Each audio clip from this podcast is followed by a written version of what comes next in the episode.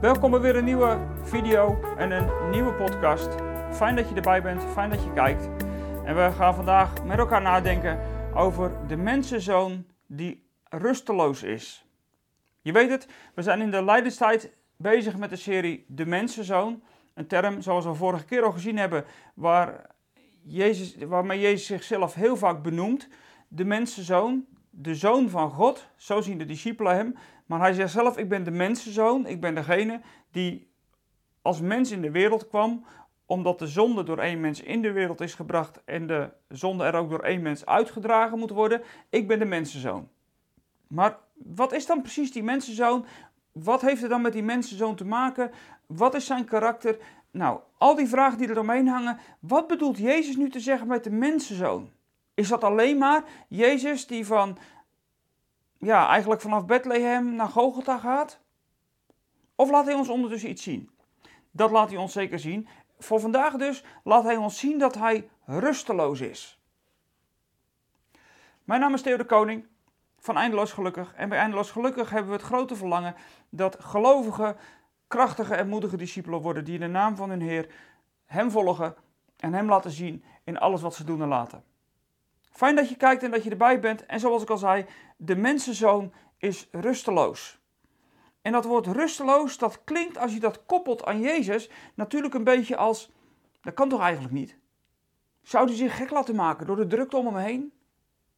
Bedoelt hij dat dan te zeggen als blijkt dat de mensenzoon rusteloos is?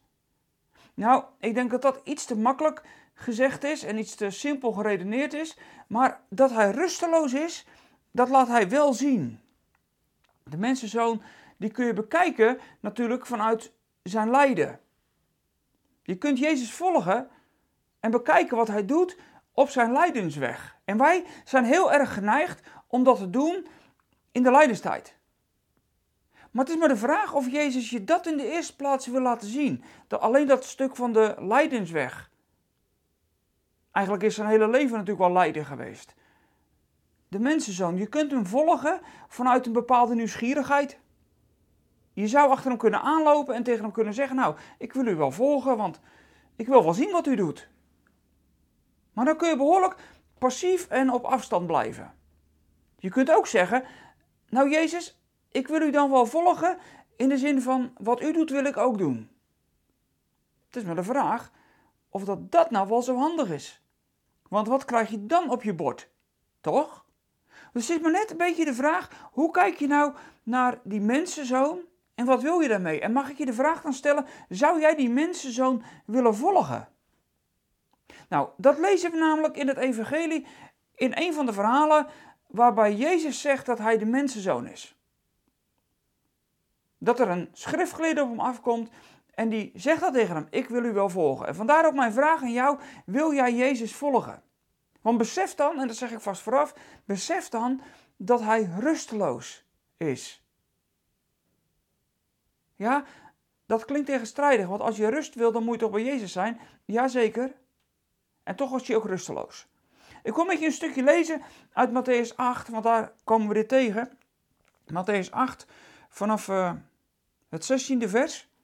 Dat is iets te vroeg voor het gedeelte wat over gaat, maar dan heb je wel de context gelijk helder. Matthäus 8, vanaf het 16e vers. En dan lezen we: Bij het vallen van de avond brachten ze vele bezetenen bij hem. Met een enkel woord dreef hij de geesten uit en alle die ziek waren genas hij. Zo moest in vervulling gaan wat gezegd is door de profeet Jezaja. Hij was het die onze ziekte wegnam en onze kwalen op zich heeft genomen. En toen Jezus de mensenmassa om zich heen zag, gaf hij bevel om naar de overkant te varen. Maar een schriftgeleerde kwam op hem af en zei: Meester, ik zal u volgen waarheen u ook gaat. Jezus zei tegen hem: De vossen hebben holen, de vogels hebben nesten, maar de mensenzoon heeft geen plaats waar hij zijn hoofd te rusten kan leggen. En een ander, een van zijn leerlingen, zei: Heer, sta me toe om eerst terug te gaan, om mijn vader te begraven. Maar Jezus zei tegen hem: Volg mij en laat de doden hun doden begraven. Jezus volgen. Ik zei al, dat kan twee kanten op. Je kan een volgen uit nieuwsgierigheid en een beetje kijken en lekker op afstand blijven. Ik heb soms wel eens het idee dat ik dat in de kerk ook wel eens zie. dat je mag je best wat zeggen, maar maak het nou niet te moeilijk en te ingewikkeld en roep nu niet op om te veel na te volgen, om te veel ook echt te gaan doen wat Jezus van je vraagt. Een goede preek, compleet, met alles erop en aan is goed, maar liever niet, niet te veel oproepen tot een stap. Dat kan. Ik denk dat het maar een half evangelie is, want bij het evangelie hoort een blijde boodschap. Maar bij de blijde boodschap hoort ook een leven uit die blijde boodschap. Dus hou het spannend. En je kan Jezus volgen en dan echt gewoon als een discipel. Nou, hier komt er een schriftgeleerde naar toe. En je zou even zeggen, dat is best wel een hele mooie vraag. Of een hele mooie opmerking. Jezus, ik wil u wel volgen. Je moet even kijken in welke context dat dit verhaal zich plaatsvindt. Wat gebeurt er? Ah, er zijn heel veel bezetenen, of in ieder geval mensen die bezet zijn door de duisternis. En ik vind het woord bezeten in de MBV een beetje. Ik ben daar niet zo kapot van. Omdat het woord bezeten bezet betekent. Dat betekent dat je bezet bent, ofwel bijna het eigendom bent van de duisternis. En ik weet niet of dat kan. Of de duisternis zoveel macht heeft dat je helemaal door hem bezet bent. Als gelovige kan dat sowieso niet. Dus het zijn mensen die onder invloed zijn in de macht, in de banden van de vijand. Nou, dat is een herkenbaar, herkenbare situatie in het Nieuwe Testament. En ook zieken en Jezus genas allemaal. En dan, dan staat er ineens dat hele aparte stukje. Dan staat er dat um, Jezus de mensenmassa om zich heen zag. Het is heel onrustig om Jezus heen. Er is drukte, er is rumoer, er is geen rust, het is chaos, er gebeurt van alles, er is drukte. Dat is de context waarin de vraag gesteld wordt van die schriftgeleerden. Jezus, ik wil u wel volgen. Of hij zegt eigenlijk, meester, ik wil u wel volgen.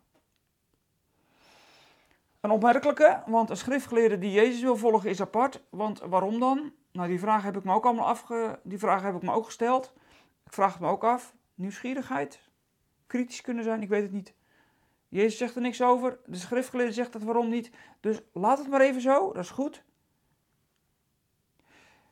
Hij wil hem volgen. En Jezus gaat ook niet in hoe dat hij hem zou volgen. Het zou natuurlijk kunnen dat Jezus dit afraadt omdat Jezus in een gevaarlijke positie is.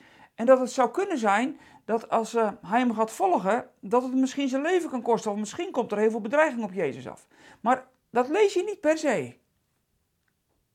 Dat is natuurlijk wel zo. Want ook de discipelen kwamen in een gevaarlijke situatie op het moment dat de vijandschap toenam tot Jezus. Jezus geeft een compleet ander antwoord. Jezus zegt tegen die schriftgeleerden, tegen die wetgeleerden, hij zegt, de vossen hebben een hol, de vogels hebben een nest en daar kunnen ze uitrusten. Maar dan zegt hij, de mensenzoon, de zoon van de mensen, heeft niet een plaats waarop hij zijn hoofd kan neerleggen. Jezus beschrijft zichzelf als iemand die doorlopend onderweg is. Vanuit die context van die mensenmassa om hem heen. En eigenlijk had die schriftgeleerde dat natuurlijk kunnen zien. En waarom zou nou Jezus willen volgen? Als dat is uit nieuwsgierigheid, dan schiet er niks meer op. Maar als je nou vandaag zegt, nou ik wil Jezus wel volgen. En ik wil hem vooral volgen omdat hij mijn meester is. En ik wil hem als meester volgen. Ik wil hem als rabbi, als messias, als mensenzoon volgen. Om uiteindelijk ook te doen wat hij doet. Dan is dit de waarheid. Dat de mensenzoon rusteloos is. Rusteloos. En dat is niet dat Jezus nooit slaapt. Dat maken sommigen dan weer van. Die zeggen van nou Jezus slaapt nooit, dus ik slaap ook maar niet zoveel. En hoe minder ik slaap, hoe meer ik kan doen voor Jezus. Dat zegt Jezus natuurlijk niet, want Jezus nam best wel rust. Hij kiest er ook hiervoor om die mensenmassa achter zich te laten en even een bepaalde manier van rust te gaan zoeken. Als je het begin van de Marcus-evangelie leest, daar is Jezus aan het bidden. Weliswaar terwijl dat het nog donker is, maar hij is aan het bidden en dat is ook zijn manier van rust zoeken. Hij is in gesprek met zijn vader. En dan, komt hij, dan komen zijn discipelen, die roepen hem. En dan zeggen zijn discipelen, er staat een massa mensen voor uw deur. Komt u alstublieft. En dan zegt Jezus, nou, we gaan wel naar het buurdorp. Dus Jezus ontvlucht die mensenmassa ook wel regelmatig. Jezus zegt dus ook niet, mijn voorbeeld is dit. Je moet vooral maar blijven rennen. Dat bedoelt Jezus allemaal niet. En dat blijkt ook wel als Jezus dan zegt dat hij niks heeft waar hij zijn hoofd op kan neerleggen. Dan komt een van zijn discipelen. En wie dat geweest is, hoe dat geweest is, of dat een van de twaalf is geweest of niet, dat weten we niet. Een van zijn discipelen zegt: Mag ik eerst mijn vader begraven? En dan zegt Jezus: Nee. Nee. Laat de doden hun doden maar begraven. Dat lijkt verschrikkelijk onpastoraal wat Jezus doet. Maar als je bedenkt dat de zaak van Jezus, de missie van Jezus, haast heeft. De mensenzoon op aarde heeft maar een beperkte tijd. En dus heeft zijn missie om alles te doen wat er gedaan moet worden, heeft haast. En dus heeft hij weinig rust. Het gaat van missie naar missie. Het gaat doorlopend door. En waarom mag die discipel zijn vader dan niet begraven? Nou, dat zegt Jezus niet. Jezus zegt alleen dat de doden hun doden moeten begraven. Met andere woorden, dat begraven is niet per se verkeerd. Maar het hele ritueel van een week eromheen, daar is geen tijd voor. Jezus zegt eigenlijk, natuurlijk, ik snap dat je je vader wil begraven. Maar er is geen tijd om te veel tijd te besteden aan alles eromheen. Dat was natuurlijk ook in die cultuur heel normaal. Dat waren allemaal rituelen. En Jezus neemt eigenlijk afstand daarvan en zegt: nee, daar is geen tijd voor. En laat de doden dan maar met hun doden al die rituelen vieren, maar wij hebben nu geen tijd. We moeten door. Jezus, de mensenzoon, is rusteloos. En ik wil dat je hier even over nadenkt. Want weet je, rust. Ik weet niet of dat je dat hier op aarde zult vinden als je de missie van Jezus volgt. Als de missie van Jezus jouw missie is geworden, dan weet ik niet of dat je echt rust kunt vinden. Natuurlijk, je mag je rust in God vinden. Je mag je rust nemen, omdat je af en toe even op adem mag komen. Maar ten diepste zit er altijd iets van doorgaan in. Niet lomp doorgaan, zeg maar. Maar er zit iets in van dat de missie van het koninkrijk van Jezus, dat heeft haast. En eigenlijk zegt hij dus tegen die schriftgeleerden: denk er even goed over na wat je zegt. Niet zozeer omdat het een gevaarlijke missie is, dat ook wel, maar dat benadrukt Jezus hier niet. Jezus benadrukt vooral dat zijn missie haast heeft, dat dat door moet blijven gaan. En eigenlijk zie je dat ook gebeuren, want wat Jezus volgens ook doet, hij kan best van de overkant van het meer varen, dat heeft hij meerdere keren gedaan. Maar in sommige gevallen loopt de massa gewoon om het meer heen. En tegen de tijd dat Jezus aan die overkant gevaren is, daar staan ze hem daar gewoon weer op te wachten. Of soms komt hij aan de overkant van het water en dan spookt het daar van de demonen. Met andere woorden, het is nooit rustig. Er is nooit een hemel op aarde. Jezus zegt eigenlijk, als je de mensen zo wil volgen, als je bij hem wil zijn, als je in zijn voetsporen wil gaan, besef dan dat je beter een vos kan zijn. En later noemt hij Herodes een vos. Die vos. Die hebben nog een hol. Daar kunnen ze nog in wegkruipen. En de vogels, die hebben een nest en daar kunnen ze nog in uitrusten. Maar dat heeft de zoon van de mens niet. Natuurlijk sliep hij wel. Maar uiteindelijk ging het altijd weer van van situatie naar situatie. Ik wil zeggen van missie naar missie, maar het is natuurlijk één missie. Het is een beetje moeilijk om het aan te duiden hoe je dat moet zeggen, maar het gaat, het gaat weer iedere keer van, van situatie naar situatie. Het stopt niet. En ik merk soms dat dat koninkrijk van Jezus, als je daarin dient, dat stopt inderdaad nooit. En ja, ik heb echt mijn lesje wel geleerd. Degene die mij kennen en weten hoe diep ik in een burn-out heb gezeten, die weten dat ik hier mijn lesje echt wel in geleerd heb. Want ik hoef geen messiascomplex te hebben. In de zin van, ik moet deze wereld redden. Maar het heeft wel haast. Dat gaat wel telkens door. Je kunt niet zeggen, ik dien het koninkrijk van Jezus. En ik kan een poosje stoppen. Ik kan me even terugtrekken. Niet dat er omheen niks belangrijk is. Niet dat je goed voor jezelf moet zorgen. Want dat moet je vooral wel doen. En dat deed Jezus. Want hij trok zich af en toe wel terug. Maar het gaat gelijk weer door. Het gaat van de ene hectiek in de andere hectiek. En niet dat Jezus daarvan in paniek raakt. Dat kom je bij Jezus nooit tegen. Hij maakt hele bewuste keuzes. Maar hij beseft wel, uiteindelijk heb ik niks waar ik mijn hoofd op kan neerleggen. Ja, straks in het graf, als alles volbracht is, dan kan hij drie dagen uitrusten. Maar tot dat moment niet. En Jezus is zich daarvan bewust. De mensenzoon gaat rusteloos door in de weg die hij moet gaan. En dat is goed. Het is goed dat het hier op aarde rusteloos is. Omdat dat je laat verlangen naar het einde van de strijd. Want dat is het natuurlijk ook. En Jezus waarschuwt je vandaag. Hem volgen, dat is goed.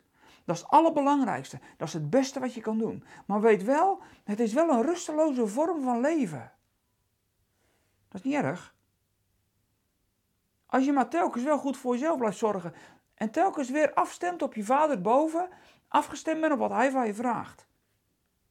En als, als Jezus dan tegen zijn discipelen soms zegt, rust even, als ze dan terugkomen in Lucas 10 heb je dat, dan komen ze terug en dan mogen ze even uitrusten, mogen ze hun verhalen vertellen. En hebben ze het verhaal verteld en dan zijn ze even op adem gekomen en dan komt het volgende alweer. En toch is dat het avontuur van het koninkrijk. Dat rusteloze wat erin zit. Terwijl dat de rust bij God is en daar haal je je rust ook uit en tegelijkertijd ga je door. En ik ben het een avontuur gaan vinden. Om iedere keer maar weer door te mogen.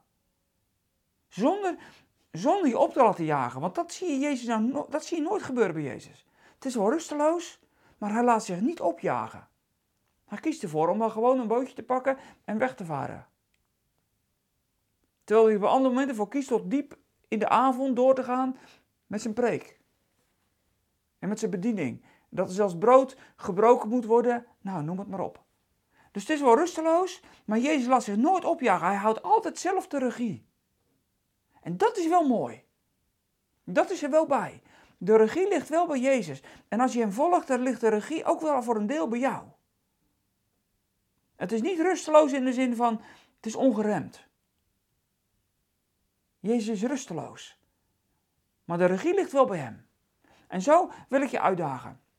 Om op die manier de mensenzoon ook te zien. Rusteloos, het gaat door en door. Maar houdt wel de regie. Blijft wel afgestemd. En zo mag jij die mensenzoon ook volgen en mag je zijn beeld ook dragen. Want als Jezus later zegt dat de dingen die hij doet, dat wij die ook zullen doen, dan hoort dit daar ook bij. In een rusteloze manier, maar wel vanuit Gods rust en vanuit zijn regie, rusteloos maar door blijven gaan. Omdat je beseft dat het wel haast heeft. Want hij kan zomaar alweer terugkomen. En wie is er dan nog niet bij? En zonder dat dit als een druk op je schouders gaat liggen. Rusteloosheid zonder druk. Rusteloosheid zonder opgejaagd te worden. Maar wel constant doorgaan, beseffend dat de zaak van het koninkrijk van Jezus wel serieus haast heeft. Maar dat is de uitdaging om die mensenzoon vandaag te zien als een rusteloze mensenzoon. Tot hij zijn rust vindt aan het eind van zijn leven. En dan mag hij uitrusten. En dan haalt de vader hem naar huis. En dan komt hij in die eeuwige rust binnen, waar hij ook niet stil zit. Waar hij rusteloos bidt voor ons. Waar hij rusteloos doorgaat. En toch is hij in de rust binnengegaan. Voel je die tegenstelling in die woorden? Nou zo. En wij zijn nog niet in de rust. Er is nog steeds heel veel chaos om ons heen. Schrik maar niet van die chaos. Blijf je ervan bewust. En volg je meester rusteloos op zijn manier. Dan houdt vol en dan krijgt dat koninkrijk van hem wat haast heeft. Daar blijft ook de gang in zitten. En dan, dan kan ik de woorden van Jezus begrijpen. Dan kan ik hem helemaal begrijpen. Als je die schriftgeleerde waarschuwt en tegen zijn discipel zegt, joh, laat de doden dan hun doden maar begraven. Want er zijn er ook dingen die er even niet meer toe doen. Natuurlijk moet je je vader begraven. Maar alles eromheen, er zijn dingen die er dan minder toe gaan doen. Omdat zijn zaak haast heeft. Nou, daar wil ik je aan de ene kant mee bemoedigen, ook mee aansporen en ook mee waarschuwen. Er zit van alles in dit, maar neem dit maar mee. die rusteloze mensenzoon. Je meester, Jezus, je voorbeeld. Om zijn bediening voor te zetten. In rusteloze rust. Ik hoop dat je daar even mee uit de voeten kan. En een poosje over na mag denken. En dan hoop ik je volgende keer, volgende week, bij de volgende video te zien. Bedankt voor het kijken. Fijn dat je erbij was. Laat je niet opjagen, maar ga rusteloos door vanuit Gods rust. Wees erbij volgende keer weer bij het volgende deelthema over de mensenzoon. Voor nu bedankt dat je erbij was. Als je nog niet geabonneerd hebt, abonneer je even op ons kanaal. Geef even een blauw duimpje als je op YouTube hebt gekeken. Reageer rustig in de comments. Mag, doe het maar rustig. Soms reageer ik terug, soms niet, net of het nodig is. En als je ons financieel wil steunen, nou heel graag. Wij zien aan alle kanten dat het financieel voor ons echt serieus krapper begint te worden nu. Nu uh, nou ja, het met alle prijzen niet goed gaat. We beginnen ons een beetje zorgen te maken, zoals het ook alweer. Nou, dat proberen we maar niet te veel te doen.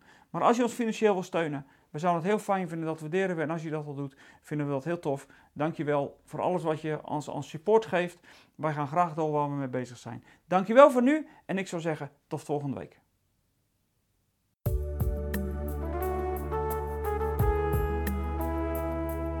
We zijn er weer aan het einde van deze podcast. Spreken deze podcast je aan en wil je ons met de gift ondersteunen? Kijk dan voor meer informatie op www.eindeloosgelukkig.nl slash podcast.